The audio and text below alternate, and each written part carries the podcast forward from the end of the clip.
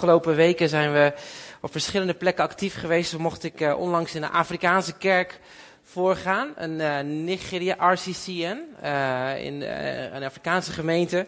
En dat was ontzettend mooi om daar ook te mogen spreken. we komen in traditionele kerken hervormd. Volgende week zit ik in Verwerd, in, ehm, ja, dat ligt ergens onder, onder Friesland, weet je, aan de kust gewoon. Echt een heel eind weg.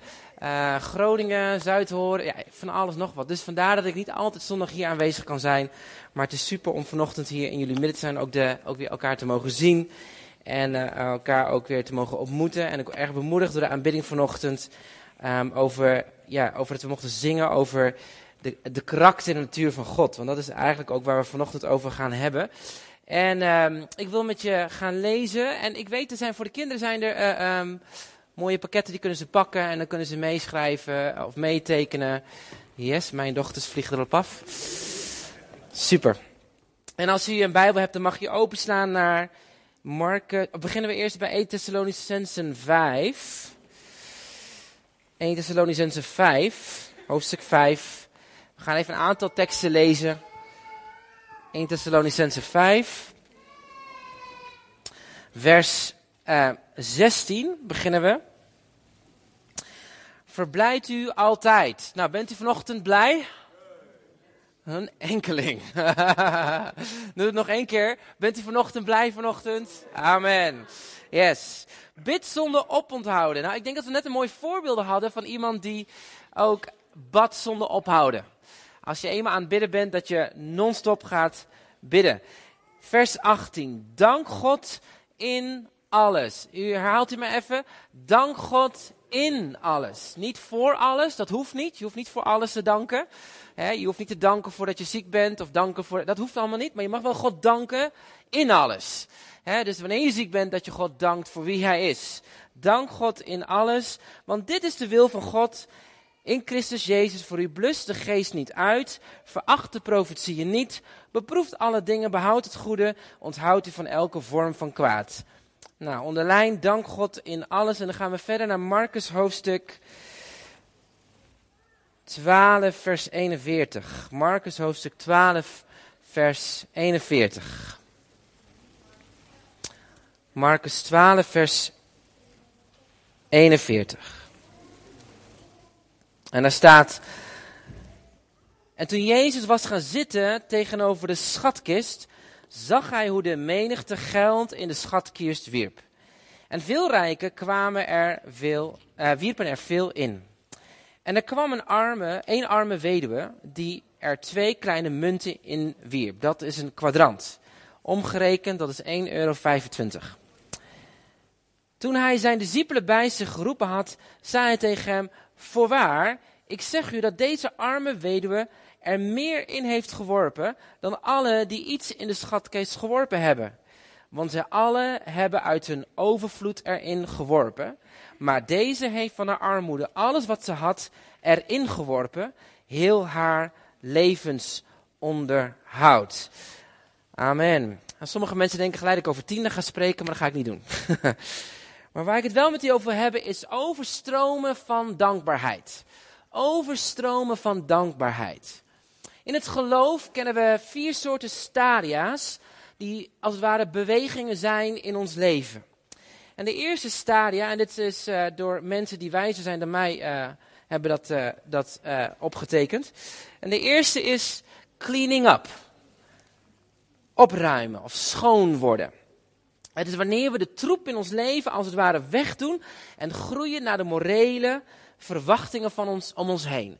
Nou, als je bijvoorbeeld dan tot geloof komt en uh, eerder dat je uh, uh, dronken, of tenminste heel veel dronk, dat je dan nu zegt, ik stop met drinken, want ik ben tot inzicht gekomen, dat is troep en ik ruim mijn leven op. Cleaning up. Nou, zo kunnen allerlei dingen zijn in je leven die je opruimt. Het tweede is growing up. Volwassen worden.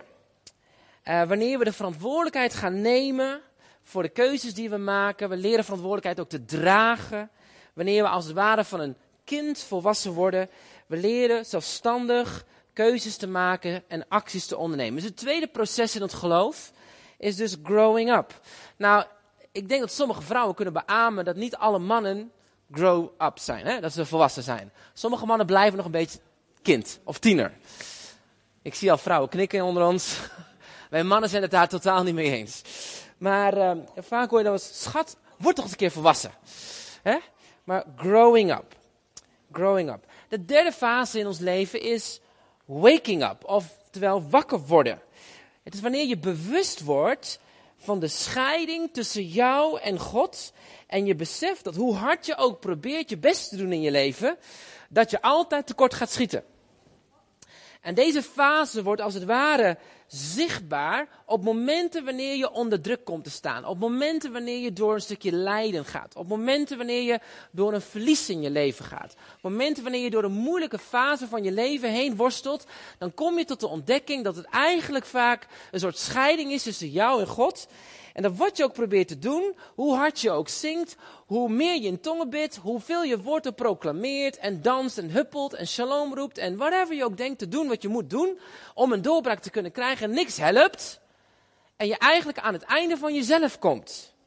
En in het einde van jezelf krijg je als het ware een nieuwe openbaring van het kruis van God in je leven. Dat je eigenlijk denkt, wow, wacht even, ik kan dus ook niks van mezelf meer doen. Dat is God die naar mij toe komt en je ontdekt een diepere betekenis van dat kruis in je leven. En je kan als het ware dan gaan beamen wat Paulus zegt. Met Christus ben ik gestorven. Toch leef ik niet meer, maar Christus leeft in mij. Dus er is een diepte die, die ontvouwt op het moment wanneer we wakker worden. En vaak gebeurt dat op momenten wanneer je door moeilijke dingen heen gaat. Wanneer je door het lijden heen gaat. Wanneer je geconfronteerd wordt met iets dat ondanks dat je zo hard je best doet in je christelijk geloof. En je het niet meer onder controle lijkt te krijgen. Alles breekt af en je komt op zo'n doodmoment. En dat is waar je wake up. Dat is waar je wakker wordt. Dat is waar je... En het is een diepere vorm van bekering. Een diepere vorm van bekering. En dat leidt naar de vierde fase, showing up zichtbaar worden. En dan overal waar je dan gaat, dan ben jij niet meer zichtbaar. Want in feite, je leeft niet meer. Maar Jezus leeft wel in jou. Dus mensen zien Jezus in jou. En het enige wat je denkt van, joh, als je nou mij goed kent, dan weet je alleen maar dat ik een gebroken mens ben. Met al mijn fouten en mijn falen. Dus hoe kan je nou denken dat ik goed ben? Maar het is dat de heerlijkheid van God door jou heen beweegt. Amen. Dus we kennen cleaning up. Growing up, waking up, showing up. Schoon worden, volwassen worden, wakker worden, zichtbaar worden. Nou, in die eerste twee fases van het christelijk geloof, die, dan, dan is de basismotivatie voor ons dankbaarheid is vaak wat God voor ons heeft gedaan. Wat God voor mij heeft gedaan, maakt dat ik dus Hem ga aanbidden. Maakt dat ik dankbaar ben. Als ik bid voor een tentamen en God zegent mij, oh yes, dan kan ik God danken. Als ik uh, gebeden heb voor een huwelijkspartner en God geeft me een huwelijkspartner en de eerste vijf jaar is roze geur maneschijn, dan ben ik God super dankbaar. Na het zesde jaar is het ellende, dan denk ik, heer, hoe kan dat nou? Waarom hebt u mij die persoon gegeven? En God zegt, joh, ik heb hem gewoon gegeven aan je, want je vroeg erom. En zo kan ons dankbaarheid heel vaak omslaan uh, naar, als, wij, als we het baseren op, op wat God voor ons doet, dan kan het heel snel naar ondankbaarheid omslaan. Dan kan het heel snel naar klagen omgaan. Dankbaarheid, uh, gebaseerd op wat God voor jou doet, dat betekent eigenlijk niks anders dat de hoofdpersoon in het verhaal ik is. Hoe word ik gezegend? Hoe word ik beter? Hoe word ik sterker? Hoe word ik mooier? Hoe, hoe haalt God mijn noden weg? Hoe haalt God mijn lasten weg? Word ik meer vrijer? Meer dit? En de hoofdpersoon van de dankbaarheid in het verhaal is ik. Maar God wil niet dat we onze motivatie vinden in het, in het dankbaar zijn voor wat Hij heeft gedaan. Er is nog een verdere fase. Namelijk in de laatste twee stadia, in het wakker worden en het zichtbaar worden, ontdekken we een soort rare connectie tussen dankbaarheid en lijden. Voelt u hem? Dankbaarheid en lijden. Niemand houdt van lijden, toch? Niemand houdt van een moeilijke periode in je leven. En toch is er een connectie tussen het lijden en dankbaarheid. Een bijzondere connectie tussen verlies en vrijgevigheid. In het evangelie van Marcus lezen we dus ook het verhaal dat Jezus was gaan zitten tegenover de schatkist. Nou stel je voor dat hier Willem gaat zitten en hij observeert en kijkt naar hoeveel jullie allemaal straks in een mandje stoppen. Awkward, toch? Nou, zo was Jezus ook zo in de tempel. Hij zat daar en hij keek en hij zag al die mensen stuk voor stuk langskomen om iets te, te, te droppen in dat mandje. En, uh, en hij riep zijn discipelen bij zich. Jezus, die kijkt dwars door wat mensen heen aan het geven is. Hij kijkt naar het hart, hij kijkt naar de motivatie. En hij, hij ziet die vrouw en hij ziet die, die weduwe en hij wijst hem aan. Hij zegt van, joh, jongens, let eens op wat zij doet. Nou, deze vrouw was een weduwe, zegt de Bijbel. En ze was arm. Ze had een verlies in haar leven meegemaakt. Misschien zat ze nog wel in een rouwperiode, dat weten we niet. Uh, maar wanneer je in die tijd een weduwe was, dan was het niet helemaal zeker hoe je toekomst eruit ging zien. Want je had geen vangnet zoals we dat kennen, weet je, met een pensioentje. Dat bestond gewoon nog niet in die tijd. Dus je was niet zeker hoe je financieel voor de toekomst gered zou zijn.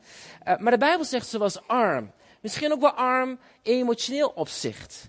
Niet alleen maar financieel, maar ook emotioneel, want ze was bij haarzelf, in haar eentje. Zij kende dus kennelijk een vorm van lijden. Ze kende een vorm van verlies. Ze kende een vorm van iets wat van je weggenomen wordt. Iets van een strijd in haar leven. Dat dieper ging dan wat, er, ja, dan, dan wat aan de buitenkant soms zichtbaar is. Maar toch, ondanks het lijden en haar verdriet en de armoede, gaf deze vrouw twee muntjes, omgerekend 1,25 euro. Nou, als ik je zou vertellen dat mensen die in extreme armoede 1,90 euro per dag hebben, verdienen, 1,90 euro per dag, als je in extreme armoede leeft, 1,25 euro voor je hele levensonderhoud. Boom, die legde ze in de collecte. En Jezus ziet dat. Jezus is opmerkzaam. Jezus ziet wat daar gebeurt. En zo vaak als christen zijn we soms zo bezig dat we graag willen dat Jezus ons ziet. Jezus, wilt u mij, hè, wilt u mij aan? We, we doen zo hard ons best dat Jezus ons kan zien. Maar hier zie je een vrouw die eigenlijk niks anders heeft en die geeft gewoon haar levensonderhoud in het offerdoosje. En Jezus kijkt veel verder dan het uiterlijk vertoon van mensen, maar hij kijkt hier naar het hart. En hij kijkt naar de motivatie waarin wij geven. De rijken, die hadden veel, maar gaven weinig. Hier was een arme, een weduwe, die had niks, maar gaf veel. Jezus merkt op wat de rijken geven. En hij wijst op de vrijgevigheid van de weduwe. Ze gaf een levensonderhoud. Hij legt als het ware een verbinding tussen tussen dankbaarheid, tussen het lijden aan de ene kant en dankbaarheid aan de andere kant. En hij bindt ze aan elkaar in dat beeld van de weduwe die daar in de offerbox iets deponeert. Dankbaarheid en lijden. Als jij door lijden heen zou gaan, zou je dan zo dankbaar zijn dat je je hele levensonderhoud aan Jezus gaat geven? Weet je, vaak, als ik heel eerlijk ben, dan kruimt er wel eens een gedachte in mij op. Dat ik denk, Heer, hoe kan het nou? Ik doe zo hard mijn best voor u. Ik lees mijn Bijbeltje. Ik bid. Betaal mijn tiende. Ik ga naar de kerk. Zet me vrijwillig in. Ik werk voor uw koninkrijk. Hoe kan het dan toch dat ik door dat lijden heen moet? Hoe kan het dan dit toch deze dingen gebeuren? Als ik heel eerlijk ben, hè? En we hebben ergens ook een beetje in onze evangelische charismatische wereld gekunstelde theologie dat lijden er nooit meer bij hoort. We hebben een beetje gecreëerd dat als jij eenmaal Jezus volgt, dat altijd alles goed gaat in je leven. Maar dat is niet waar. Dat is niet waar. Lijden heeft een plek. En Jezus die wijst hier in het beeld van die weduwe op de verbinding tussen lijden en dankbaarheid. Als ik heel eerlijk ben, dan denk ik wel eens van, waaraan heb ik dit verdiend? Hoe kan het nou weer? Je bidt voor iets en het gebeurt niet. Je gaat door de dingen heen en het werkt niet helemaal uit wat je had bedacht. En dan komt erop aan dat stukje vertrouwen. En voordat je het beseft, ben je bezig een soort oorzaak te zoeken. We kennen het ook wel het zwarte schaap, hè? dat ken je wel. Het zwarte schaap zoeken. Naar, de naar iets, iemand om je heen, wat de oorzaak zou kunnen zijn, waardoor je de doorbraak waar jij zo naar verlangt, niet krijgt. Voel je? En zo, zo heel vaak, dan, dan leggen we die oorzaak neer bij de ander. Oh, het, het vrouw. Ja, want zij is niet echt 100% gelovig. Nee, die moet echt een doorbaak voor bidden. Oh nee, het ligt niet aan mijn vrouw, het ligt aan mijn kinderen. Want ja, ja. nee, het ligt niet aan mijn kinderen, het ligt aan, aan, aan, aan het leiderschap in de kerk. Nee, het ligt aan, aan, aan, aan de overheid. Eh, je zoekt een oorzaak buiten om jezelf. En Jezus, die, die kijkt daar dwars doorheen en, en die kijkt naar de motivatie van ons hart. En, en, en, en zegt, kan je dankbaar zijn, ook al ga je door dat lijden heen. Als Paulus zegt, wees dankbaar in alles. Dank de Heer in alles. Oef, die gaat diep. Wanneer je deze de gedachten koestert, dan ben je eigenlijk nog maar in die eerste twee stadia van het christelijk leven. In de cleaning up en de showing up. Wanneer deze gedachten door je heen gaan, op het moment dat je in lijden getriggerd wordt, dan zit je eigenlijk nog maar in die twee stadia's van het volwassen worden in Christus. Onze dankbaarheid verbinden we dan aan wat God heeft gedaan voor ons. En de hoofdpersoon in het verhaal, dat ben ik. En als ik het dan lastig vind dat God daar niet in hemel werkt, dan vind ik het lastig om dankbaar te zijn. Dan vind ik het lastig om vrijmoedig te geven. Als de hoofdpersoon niet gezegend wordt, dan word ik gereserveerd in mijn vrijgevigheid. Dan ga ik nadenken van ja, wat levert het mij op?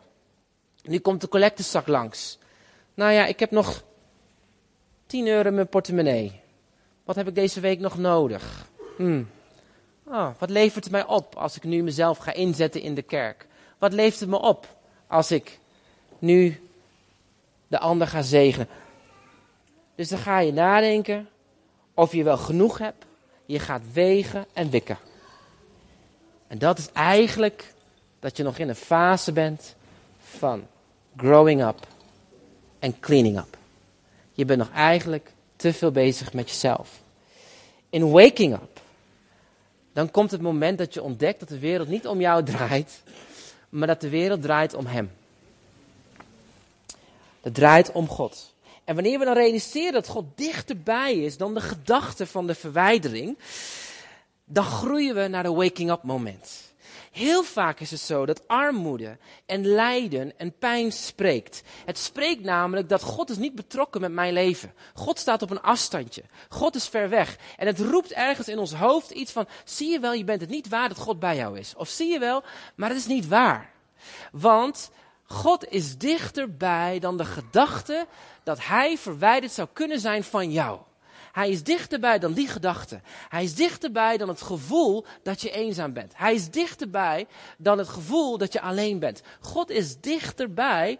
En dat zongen we ook net zo mooi aan het einde van het lied. God is Immanuel. God met ons.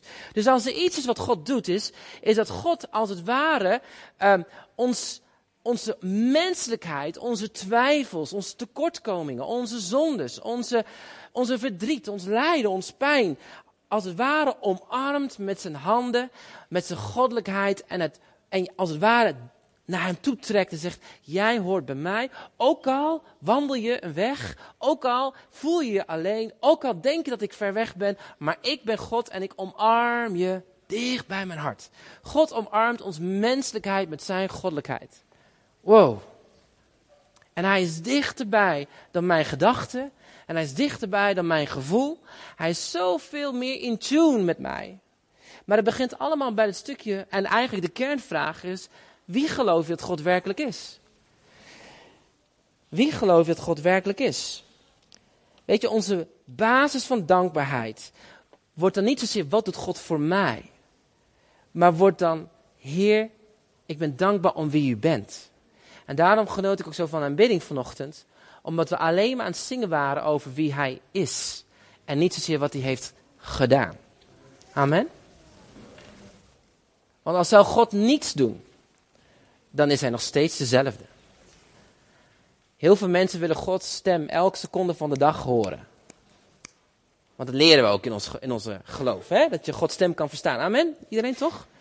Maar wist je dat Abraham meer dan 21 jaar Gods stem gewoon niet gehoord had? Weet je dat God soms af en toe gewoon stil is en niet spreekt? Dat God lijkt alsof hij niet, maar dan die er wel is. En zo, God in zijn intimiteit is met ons. Ook al ervaar je hem niet, ook al voel je hem niet, ook al hoor je hem niet. En tegelijkertijd mag je dan berusten op het feit, Heer, I don't get it, ik snap het niet, maar ik weet hier en hier met mijn hart in volle verstand, u bent Emmanuel, u bent God met mij. En ik ben dankbaar niet op wat hij doet voor mij. Niet op wat hij per se tot mij spreekt. Niet op per se de doorbraak die ik meemaak. Maar op basis dat u gewoon goed bent. En dat u handelt in uw goedheid naar mij. En deze dankbaarheid stroomt over. Deze dankbaarheid gaat dieper dan wat God voor je doet. Het is net als bijvoorbeeld als je een klein kind hebt. Mijn kinderen hebben bijvoorbeeld een van de kinderen die wilde graag een nieuwe fiets. En dan krijgt ze een nieuwe fiets. En dan zijn ze de eerste twee, vier, twee weken helemaal hilarisch over de nieuwe fiets. Maar na twee weken ben je de fiets weer kwijt. Snap je? Dan wil je alweer iets nieuws. Maar dat is gewoon hoe het leven is. En zo kunnen we als kleine kinderen in het geloof zo met God omgaan. God, we zijn u dankbaar voor wat u mij geeft, maar ik vergeet de gever. Ik ben heel erg betrokken bij wat ik ontvang van u, maar ik vergeet de karakter van u. En zo de Heer wil ons uitdagen om te komen naar een plek van overstromend dankbaarheid. Waarin we wakker worden dat Jezus onze tekortkomingen omarmt met zijn goddelijkheid. En ons meeneemt naar zijn vaderhart. En ons laat zien dat Hij is die wij nodig hebben. Nou, mijn vraag aan jou is: wie, God, wie is God voor jou? Want dat is de basis. Is God een soort kauwgomballenautomaat waar ik af en toe eventjes een muntje in stop en dan heb ik een kauwgomballetje eruit en dan voel ik me weer blij? Of is God een persoon die veel verder gaat dan wat hij geeft? Want hij is een goede vader en ken je hem? Want wat je werkelijk gelooft wordt zichtbaar onder druk. En dat zien we terug ook in het leven van deze weduwe. Want wat ze werkelijk gelooft, werd zichtbaar, zelfs in haar armoede. Haar dankbaarheid stroomde over naar de Heer, dat ze geloofde en bereid was, niet bereid was, maar ze gaf gewoon haar levensonderhoud aan de Heer. En ze wist niet wat de toekomst zou brengen. Maar ik vind het oude lied zo mooi, hè? Wat de toekomst brengen mogen, mij een hand. Ja, wat voor rotsvast vertrouwen heb je op het moment dat je dat kan bidden? Amen. Wat voor rotsvast vertrouwen heb je op het moment dat je dat kan uitspreken? Zeg, Heer, ik snap het niet, maar hier is mijn levensonderhoud. Hier is mijn hart. Hier is mijn tijd. Hier, hier is, want u bent het gewoon waard. Niet om wat u doet, maar om wat u bent, om wie u bent. Wow, dat betekent dat je wel een godsbeeld hebt dat dieper gaat. Hoe zie je God? En misschien moeten we dat beeld van God dan wel eens aanpassen en in een juiste perspectief gaan krijgen. Nou, de officiële doctrine van de eerste gemeente was uh, dat ze God zagen als een soort dans. Een cirkeldans. Een dans van liefde en relatie. In het Engels, a relationship in itself. Een event en een communion. Ik vind het zo mooi. Een dans van liefde van mensen die met elkaar bewegen in een eenheid. En Jezus spreekt ook over Johannes hoofdstuk 17, uh, waarin ons uitnodigt als mens om in die eenheid met Christus te komen. In, in de, met de Vader. In die dans die hij en de Vader en de Heilige Geest hebben, dat wij daar ook in mee mogen dansen.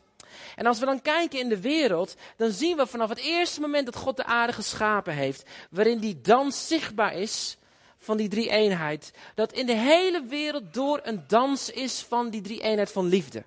Als we kijken in de natuur, de kleinste bouwsting van ons leven is een dans van protonen en neutronen. En elektronen, die dansen om elkaar heen. Tot in het, in het universum toe. Overal vind je terug de drie eenheid, die dans van liefde, waarin Jezus zegt, ik wil je uitnodigen om te komen in die dans en die ontmoeting met mij. Alles wat gemaakt is, is een uitnodiging tot die goddelijke dans. En uh, als ik dat zou mogen vergelijken, dan zou ik het vergelijken met een soort spinner. Kent iemand een spinner? Ja? Dat is ooit gemaakt voor kinderen die een lichtelijke stoornis hebben. Bleek, heb ik gelezen, ik weet of het zo is.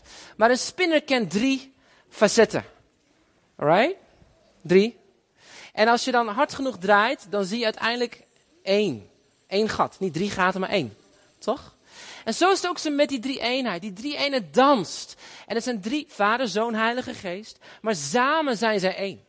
En in die dans, die energie die daar beweegt, dat is oneindige liefde. Die stroom vanuit God de Vader, Zoon en de Heilige Geest naar u en mij. De oneindige liefde van God is de energie die beweegt door God heen. Oneindige liefde. Nou, laat me een vraag stellen. Wat is, wat is, wat is de helft van oneindigheid? Oneindig. Wat is een kwart van oneindigheid? Oneindig. En wist je dat God de Vader oneindig voor jou is? Amen. Hij is oneindig voor jou. En wist je dat Jezus de Zoon oneindig met jou is? Oneindig met jou is. En weet je dat de Heilige Geest oneindig in jou is? Die woning wil maken. Het is oneindigheid. Oneindige liefde is wat God beweegt, maar het is ook wat ons door ons hart mag gaan bewegen naar buiten. En dat brengt ons bij waking up en show, showing up. Oneindige liefde is een flow van de liefde en de energie van God als het ware, dat je ontvangt, uiteindelijk maar naar buiten toe beweegt. Het gaat niet om mij, maar het gaat om die ander. En dat brengt ons bij liefde, bij compassie, bij vrijgevigheid. Dat brengt ons bij showing up. Oneindige liefde die uitstroomt. Ik ken een, uh, een uh, lieve vriendin van ons. Uh, zij is voorgangersvrouw samen met een man in Zuid-Afrika. Ze zijn ook geestelijke mentoren van ons. En zij zijn een man die werkte vanuit Zuid-Afrika ook in Amerika. En uh, op een dag, uh, toen zij vlogen vanuit Dubai naar, uh, naar Amerika, naar Los Angeles, um, werden ze aangehouden bij de grens. En het verhaal is dat zij um, op een gegeven moment uit, hoe zeg je dat, uit, uit elkaar gedreven werden. Man en vrouw werden elkaar gehaald. En Yunus, die, die, die werd als het ware zeg maar, in een apart hokje gezet, weggezet van een man. Ze werden gescheiden. Ze wisten niet wat aan de hand was. Ze wisten van een man. Op een gegeven moment, ze hadden niet veel gegeten in het vliegtuig. Dus, uh, dus enige, uh, uh, ze zat op een bankje te wachten met een aantal andere vrouwen. Sommigen met een kind. En zij was gescheiden van haar man. Haar man was in een ander kamertje. En terwijl ze daar aan het wachten was, toen op een gegeven moment komt er een vrouwtje naar haar toe. Ze zegt van, en die had een, een, een Kentucky Fried Chicken burger. En die zei van, joh, eet wat, want dit kan lang duren. En ze at wat. En, maar goed, ze moest daar echt voor denk ik iets van acht uur heeft ze op het bankje gezeten, gewacht. Ze mocht niet naar het toilet. En op een gegeven moment komt ze in een kamer. En op een gegeven moment krijgt ze een vragenlijst van een spervuur overheen. Nou, als je al meer dan, zeg maar, 24 uur gevlogen hebt, zeg maar, uit Zuid-Afrika, over Dubai, naar Los Angeles, dan ben je echt wel gaar. En ze zat daar en ze had slecht gegeten, had een klein beetje gegeten, een beetje gedronken. En op een gegeven moment kreeg ze een spervuur van vragen van die beambten over haar heen. En die keek haar paspoort na. En wat doet u hier? En waarom bent u hier? Hoezo bent u voorganger? Wat wilt verkondigt u dan? Wat voor evangelie gelooft u in dan? En ene vraag naar de andere vraag naar de andere vraag. En het duurde ongeveer zes uur in die ondervraging. Dat uiteindelijk op een gegeven moment een van de andere beambten langskomt. Die begon op haar in te spreken met lichte, je weet je, een soort verhoor. Op een gegeven moment, uit, uit het lang verhaal kort, ze werd op een gegeven moment afgevoerd naar een andere plek. En uh, daar werd ze weer ondervraagd. Maar niet geslapen, niet gegeten, uh, wakker gehouden, kreeg alleen een flesje water. En uh, moest naar ik mocht niet eens naar het toilet. En in, die, in die stress, want ik, hè, waar is mijn man? Ik, ik ben hier met mijn man aangekomen, waar is hij gebleven? Niet weten dat haar man al op het vliegtuig naar huis gestuurd werd. En zij bleef achter. Lang verhaal kort, u wil asiel vragen hier in Amerika? Ze zegt nee. Maar goed, ze had haar bril niet bij, geen lenzen bij zich. En ze moest iets, werd geforceerd om iets te ondertekenen. Ze wist niet wat ze ondertekende. Ze ondertekende het met haar naam. Ze was er niet bij. En op dat moment werd ze, uh, ja, het komt allemaal goed, we brengen u naar een hotel. Op een gegeven moment komen er twee politieagenten aan. En die haar nemen haar mee. In de bus. Achterin. Ze zit daar en het enige wat ze ziet is een raampje met een gaas. En ze kijkt naar buiten en, en, ze ziet dat ze vanaf het vliegveld de andere kant op reist. Niet richting de stad, maar juist de andere kant. Je ziet gewoon de wolken. Dus ze, ze rijdt weg en denkt, hè, ik moet toch naar de stad zijn? Hoe kan het? Vervolgens belandt ze in een soort inrichting waar ze daar opgesloten werd. Niet wetende wat er gebeurt. Uiteindelijk, lang verhaal kort, ik denk zo ongeveer na drie dagen komt ze terecht in een gevangenis. Een vrouwengevangenis. En ze zit daar met allerlei vrouwen vanuit allerlei achtergronden gevangen. Ze krijgt een oranje jumpsuit aan. Alle kleding, haar juwelen is allemaal afgehaald. Op dat moment heeft ze dus niet gegeten, niet geslapen, niet, weet je, ze is helemaal tot op het bot gegaan. Ondervoed, niemand die haar iets vertelt. Ze wordt in een bedje in de hoek gedrukt. En het was koud in de gevangenis, zegt ze. Het was zo koud. En elke nacht om vier uur ging de licht aan. Boem, boem, boem, boem. Iedereen moest wakker worden. En dan moest ze aan de slag. Slaapgebrek, niet weten waar je bent, je weet niet waar je man is. En ik denk dat vele Iraniërs, vluchtelingen onder ons, dit verhaal, ook soort verhalen kunnen vertellen. Over hoe mensen je kunnen mishandelen, hoe mensen je kunnen verwerken. Ze zat in die gevangenis en weet je wat ze zei? John zegt, ik enige wat ik kon doen, ik lag op het bed en ik heb zoveel gehuild. Ik heb zoveel gezocht, Heer, waarom ben ik hier? En ze had het enige wat ze had was een klein bijbeltje. Had ze gekregen van een van de Dus ze had een klein bijbeltje en ze zei, ik enig kon, kon bidden. Om mij heen, ze zegt, er gebeurde van alles. Er waren vrouwen die met elkaar op de vuist gingen. Er waren vrouwen die met elkaar naar bed gingen. Er gebeurde van alles in, dat, in, in die gevangenis. En ze zat daar te midden van die vrouwen. Uiteindelijk heeft ze meer dan vijf, vijf zes weken, zes weken gevangen gezeten. Niemand wist, wij, niemand wist waar zij was. Niemand wist waar ze naartoe gestuurd was. Dus zelfs de ambassadeur van Zuid-Afrika, de prime minister van Zuid-Afrika, iedereen was in taal om, om te kijken waar is zij. Want ze was gewoon weggemoffeld in de gevangenis. En weet je wat daar was? Ze zei van in dat moment dat alles zo weggebroken, dat is waar ik wakker werd, waar de Heilige Geest mij, he waked me up. Ik een nieuw besef van het kruis kreeg. Een nieuw besef kreeg van wat lijden inhield. En op dat moment toen, toen, toen op een gegeven moment zij elke keer aan het bidden was, kwamen al die vrouwen, die kwamen naar haar toe. En die begonnen met haar te praten van, hé, maar waarom geloof jij? Waarom bid je? hoezo? Hoe kan je God nou danken te midden van deze omstandigheden? En in haar pijn en in haar verdriet en in haar situatie, in haar ellende, begon ze God te prijzen en begon ze God te aanbidden. En weet je, ze begon te getuigen van die Jezus. Hoe gebroken ze ook was, hoe moe ze ook was, hoe ondervoed ze ook was hoe verschrikkelijk ze ook voelde. Uiteindelijk, zij ging, omdat ze Engels kon, ging zij brieven schrijven voor al die vrouwen in de gevangenis, zodat ze een petitie konden geven aan een advocaat om eruit te kunnen komen uit, dat, uit die situatie. En het wonderlijke is na zes weken dat in de flip of a coin God in één keer woep alles omdraaide. En later vertelde ze me, ze zei tegen mij, in, in die diepte ellende, toen ik eenmaal in het vliegtuig terug naar huis vloog en mijn man opwachtte in Johannesburg. En wij samen met elkaar, het was alsof, alsof de armen van Jezus in mijn ellende gewoon om me heen stond. Wauw. Maar het was, ze, ik zou het zo weer nieuw doen, opnieuw doen. Ik zou het weer gaan. En ze waarom dan? Ze zei van, omdat ik had ingang en al die vrouwen. Ik mocht met hen bidden. Ik mocht het over het evangelie vertellen. Was, maar ze zegt, ik was het niet. Want, want ik was dood. Ze letterlijk. Ik was gestorven. Ik dacht mijn kinderen nooit zou terugzien. Maar Jezus in mij bewoog. Oeh. Toen dacht ik, heer, wat heb ik nog heel veel te gaan, hè? Wat heb ik nog veel te leren? Vader God is oneindig voor je. De Zoon is oneindig met je. De Heilige Geest is oneindig in je.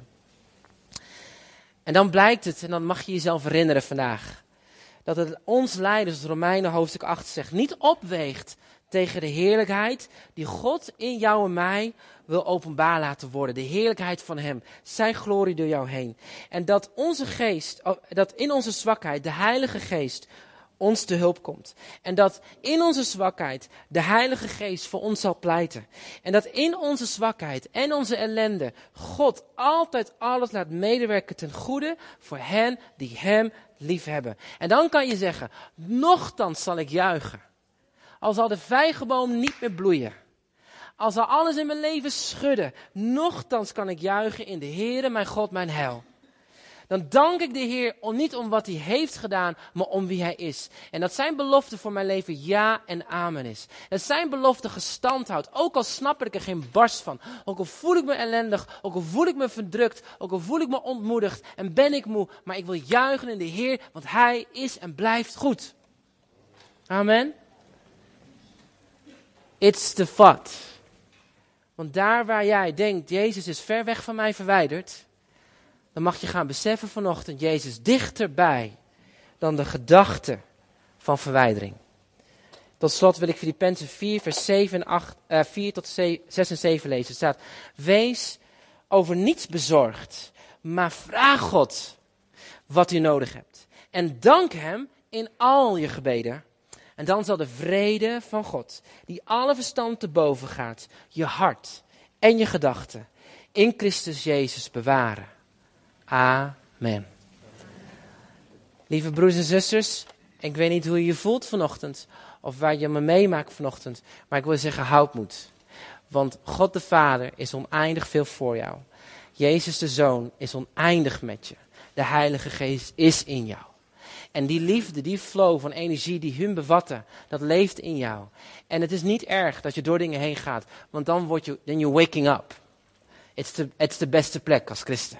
Wanneer we wakker worden en beseffen dat Jezus dichterbij is. Dichterbij is. En het mooie is, In jouw gebrokenheid word jij een getuigenis van hoop voor een ander die ook gebroken is. Amen. En dan mogen we berusten in de woorden dat Jezus spreekt. Die zegt, zie, mijn zoon, mijn dochter, mijn kind. Ik maak alle dingen nieuw. Amen. En misschien zien we het niet letterlijk vandaag, maar we houden vast aan die belofte, want de Heer is geen leugenaar. En Hij zal zijn woord uitwerken in jou en mij.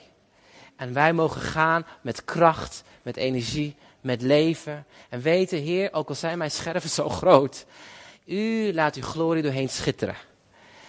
Aan een wereld die het nodig hebt, want U bent dichterbij. Ik vind het zo mooi. God omarmt mijn menselijkheid, mijn zonde, mijn zwakheid. Hij verwerpt het niet. Ik hoef me niet te verbeteren. Nee, hij zegt: Kom maar, ik omarm je. Ik omarm je. Want ik ben met je. Amen. Vader, dank u wel dat we nergens over bezorgd hoeven te zijn. Maar dat we u mogen vragen wat we nodig hebben. En tegelijkertijd u mogen vertrouwen dat in alles u verheerlijk bent. En dat we mogen weten dat u met ons bent. Ook al snappen we er geen barst van. Heer, als we denken even aan Jeroen, die geconfronteerd wordt met een ernstige situatie op dit moment. Heer, we willen beleiden, zoals we ook zongen. Heer, u bent onze bevrijder, u bent onze hersteller. U bent degene die voor ons is, Heer. En ik dank u wel, Heer, dat het niet gaat om wat u doet, maar om wie u bent. Dat onze, onze, onze kracht berust in het feit van wie u bent. En dat we u mogen vertrouwen in alle situatie. Dat u liefde bent, en hoop bent, en blijdschap bent. Heer, dank u wel dat we wakker mogen worden voor dat besef dat die oneindige liefde echt oneindig is. Oneindig. En dat u voor ons bent, met ons bent en in ons bent. En ik dank u wel, Heer, dat die liefde van vergeving, compassie, genade, hoop en blijdschap door ons heen mag stromen. In elke situatie tot hoop en zegen en blijdschap en compassie voor een ander. In Jezus' naam. Amen. Amen. Geef ik terug aan jullie. Aan jullie.